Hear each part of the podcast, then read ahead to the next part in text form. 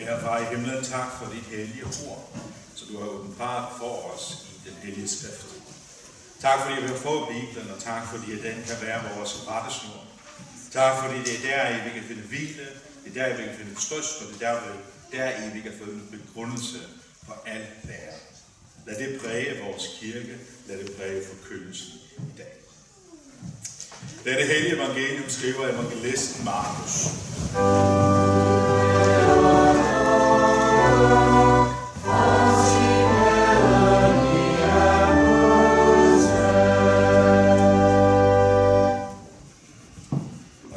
Små børn til Jesus, for at han skulle røre ved dem.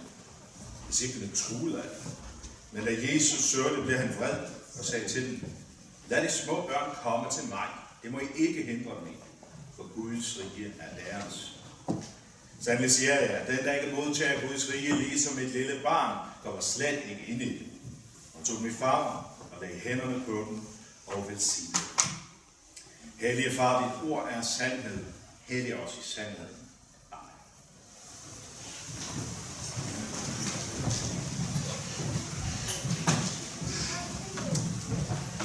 Hver gang vi har dåb i kirken, og det er lige meget, om det er barnedåb eller det er voksendåb, så læser vi de her vers sammen med missionsbefaling.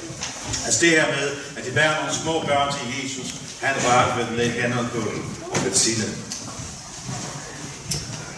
Det er ikke fordi, at de her vers altid har stået i kirkens dåbsritual. Det ser ud som om, at det først er ved reformationen, at det bliver taget med. Det er Luther, der tager det med i en sådan dåbs øh, en lille håndbog om dåben, hvor han kommer med et dåbsritual. Det er i 1523. Men det var ikke Luther, som var den første til at knytte de her ord til dåben, og faktisk helt specifikt barnedåben. Kyprian, som levede og 200-258, det er altså en gammel fyr, vi har med at gøre. Han bruger den her tekst til at argumentere for barnetroen og barnedåben.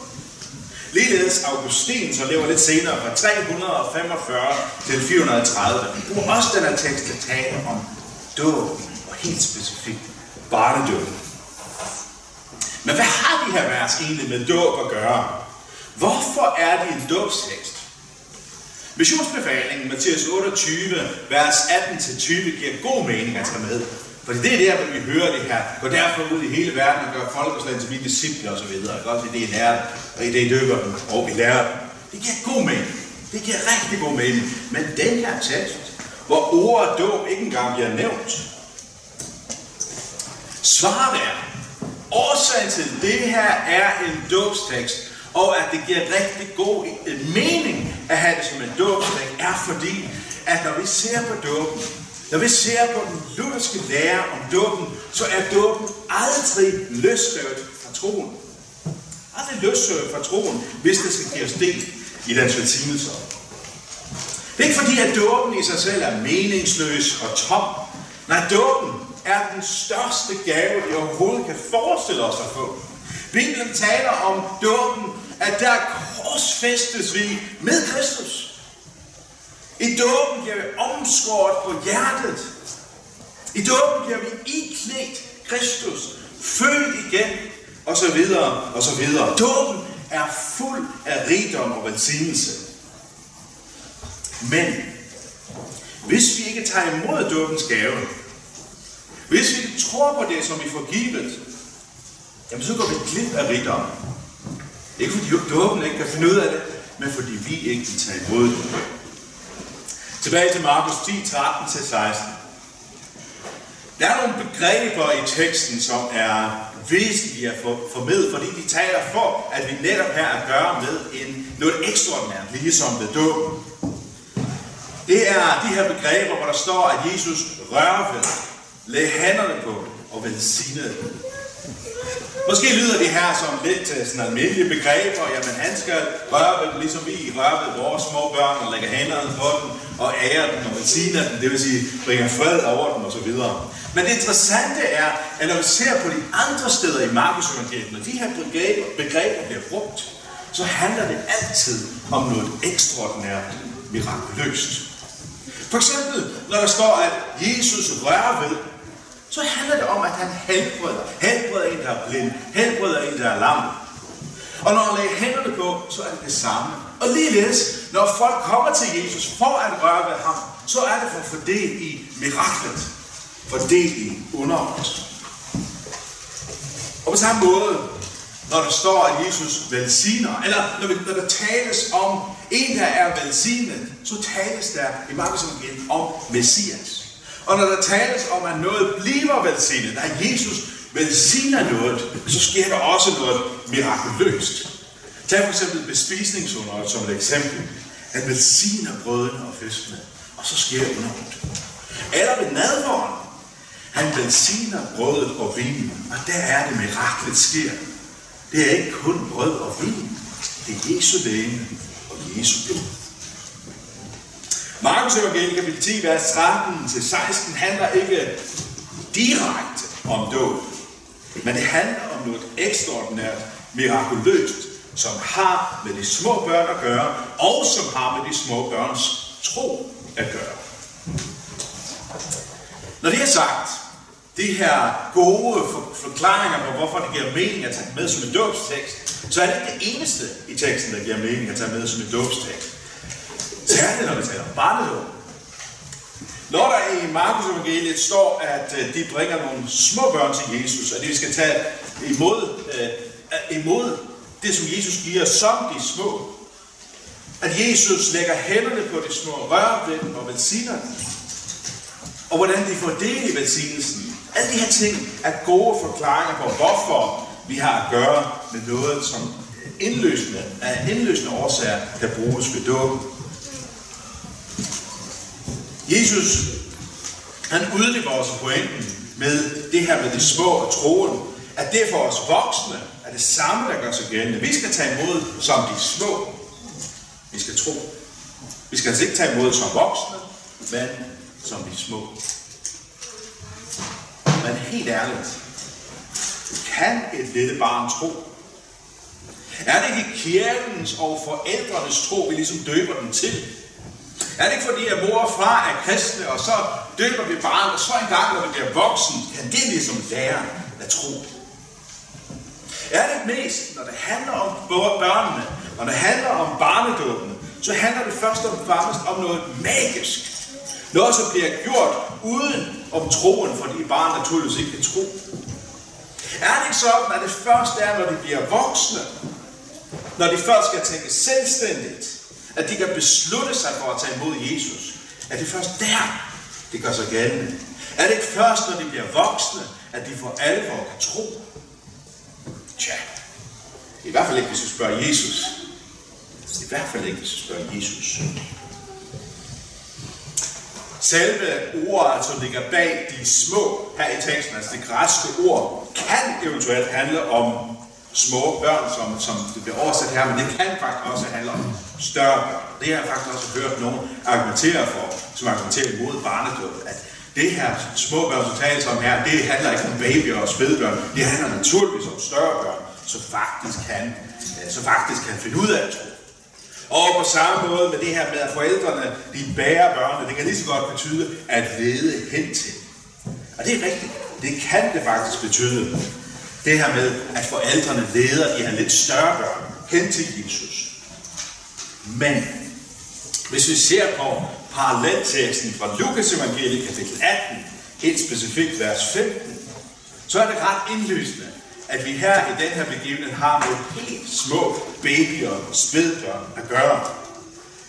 Netop i Lukas evangeliet kapitel 18, vers 15, der bruges der et andet ord, øh, når det tales om de små, end det gør i Markus evangeliet. Det er ikke fordi de to øh, er i modstrid med hinanden. Det var ligesom fordi, at Markus evangeliet pointerer ikke som helt konkret, at de har at gøre med baby. Han siger bare børnene. Det er jo det samme, altså det er jo ikke modsat det andet. Men Lukas, han pointerer, han specificerer, at det her handler altså ikke kun om børn, sådan overordnet set. Det handler om spædbørn. Det ord, som øh, Lukas bruger som, som, øh, som klar i Lukas evangeliet kapitel 18, vers 15, det er de ord, som også bliver brugt om Jesus barnet i krybben, men også de ord, der bliver brugt om Johannes som et lille foster i sin mors mave. Og det er kun i, der, i sådan et tilfælde, at det græske ord bliver brugt. Det handler om spædbørn og babyer. Og hvis ikke vi tager imod Guds rige lige som babyer, som spædbørn, og vi slet ikke ind i Guds rige. Et andet sted, hvor det giver rigtig god mening at argumentere for, at når Jesus bruger de små børn i Markus evangeliet kapitel 10, vers 13-16, som et argument for tro og et argument for barnedåb, er, når Jesus overfor ypperste præsterne og det skriftkloge øh, argumenterer for, hvorfor det er indløsende, at børnene råber Hosianna i på tempelpladsen. Der står sådan her i Matthæus 21, vers 15 til, øh, til 16, 15 og 16. Men da ypperste præsterne og det skriftkloge så de under, han gjorde, og da de så børnene på tempelpladsen, som råbte, Hosianna, Davids søn, blev de fredet. Og de spurgte ham, hører du ikke, hvad de siger? Men Jesus svarede, jo, har I aldrig læst, at børns og spædes mund har du beredt dig lovsang. Her har vi sandsynligvis, eller helt indløsende set på tempelpladsen at gøre med lidt større børn, som kan finde ud af at tale. Men når Jesus skal argumentere for, hvorfor de er de lovsynder, hvorfor de siger Hosianna, Davids søn, så bruger han salme 8.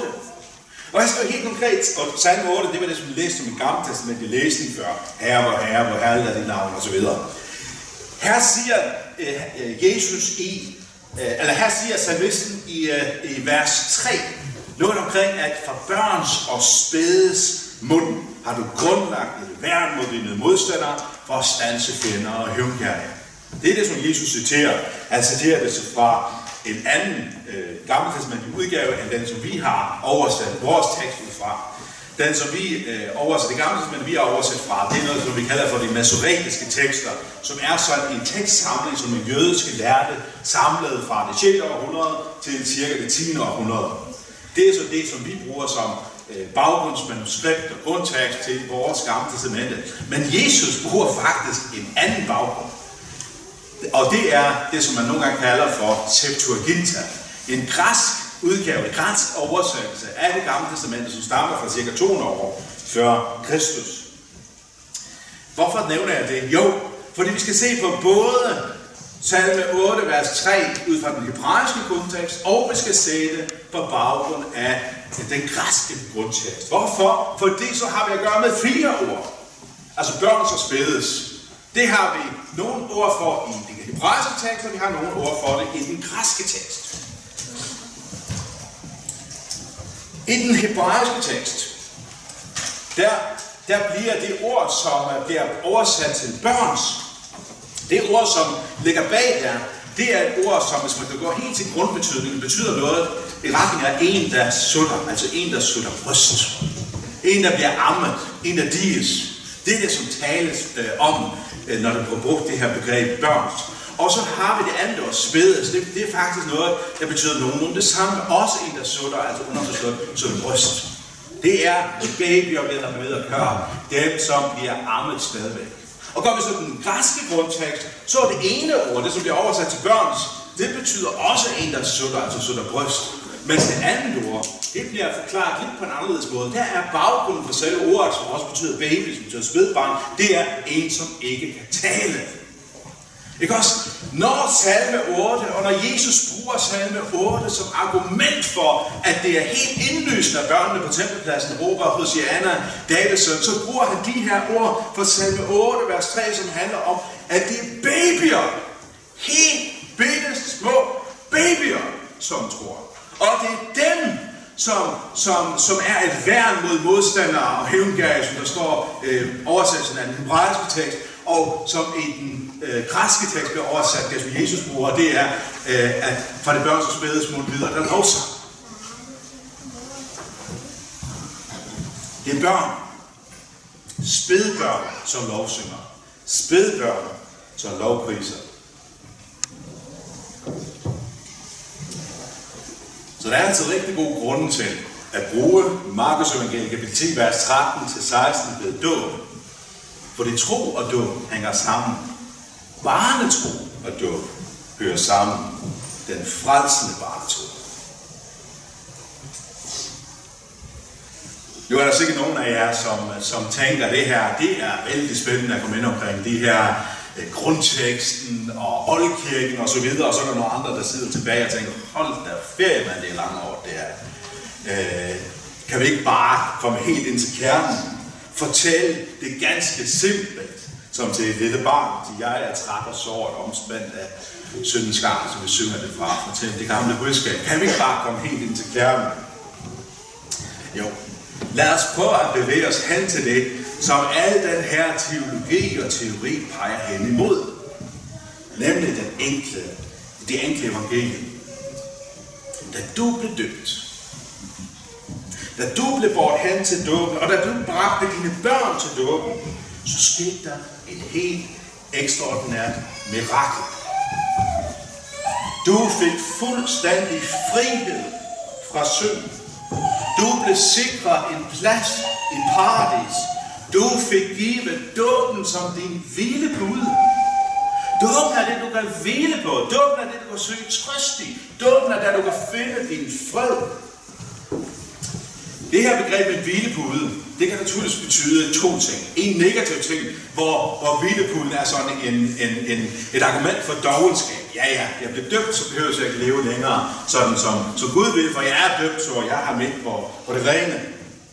Det er en forkert måde at bruge dåben på, og det er faktisk en måde, som fører os væk fra Gud.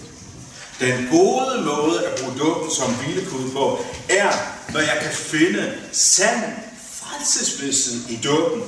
Hvad vil det sige? Det vil sige at bruge dåben som, som det, den egentlig er. Den, som er fuld af rigdom og løfter omkring det, som Jesus har gjort for mig. Hvordan kan du vide, sådan for alvor vide, at du er et Guds barn? Nogle siger, at alle jo er Guds børn. Dåben er bare en bekræftelse af det, som man er i forvejen. Andre siger, at dåben er sådan en slags konfirmation på, at du valgte at tro på Gud. Andre siger, at du skal hvile i din beslutning om at følge Gud, og ikke dø. Eller at du kan finde hvile i, at der sker forbedrelse og helliggørelse i dit liv, ikke i dåb. Altså sagt på en anden måde, du skal se på dig selv. Du skal se på, at du måske er et godt menneske, eller i hvert fald, at du har taget en beslutning om at følge Jesus, at du forbedrer dig, osv. Bibelen peger på noget helt andet. Noget, som er uden for os. Det, som Jesus har gjort. Og det er det, som vi får givet i dåben. Og det er derfor, vi kan bruge dåben som hvilepude. Den svenske prædikant Rosenius, han siger sådan her i salme, eh, salmernes, øh, den danske salme, vers, eh, nummer 521, vers 5. Den ejendom, som købtes med Kristi dyre blod, hvortil jeg engang døbtes, kun den er fast og god. Den hviler på Guds hjerte og på det gave brev, som under dødens smerte Guds søn ved blodet skrev. Altså alt det, som Jesus gjorde for mig, at han købte mig fri ved sit dyreblod, det blev jeg dømt til. Og det er det, ikke mig selv, ikke mit hjerte, som jeg kan finde hvile i, men i hans gave og i hans hjerte, i det, som han gav mig i dåben. I en samtale mellem to lutherske præster, jeg snakkede lidt om, hvad, hvad det vil sige at være lutheraner, og så spurgte den ene den anden, hvornår blev du sådan bevidst kristen? Hvornår blev du troende? Og så svarede den anden, at han egentlig er opvokset i en sekulær familie.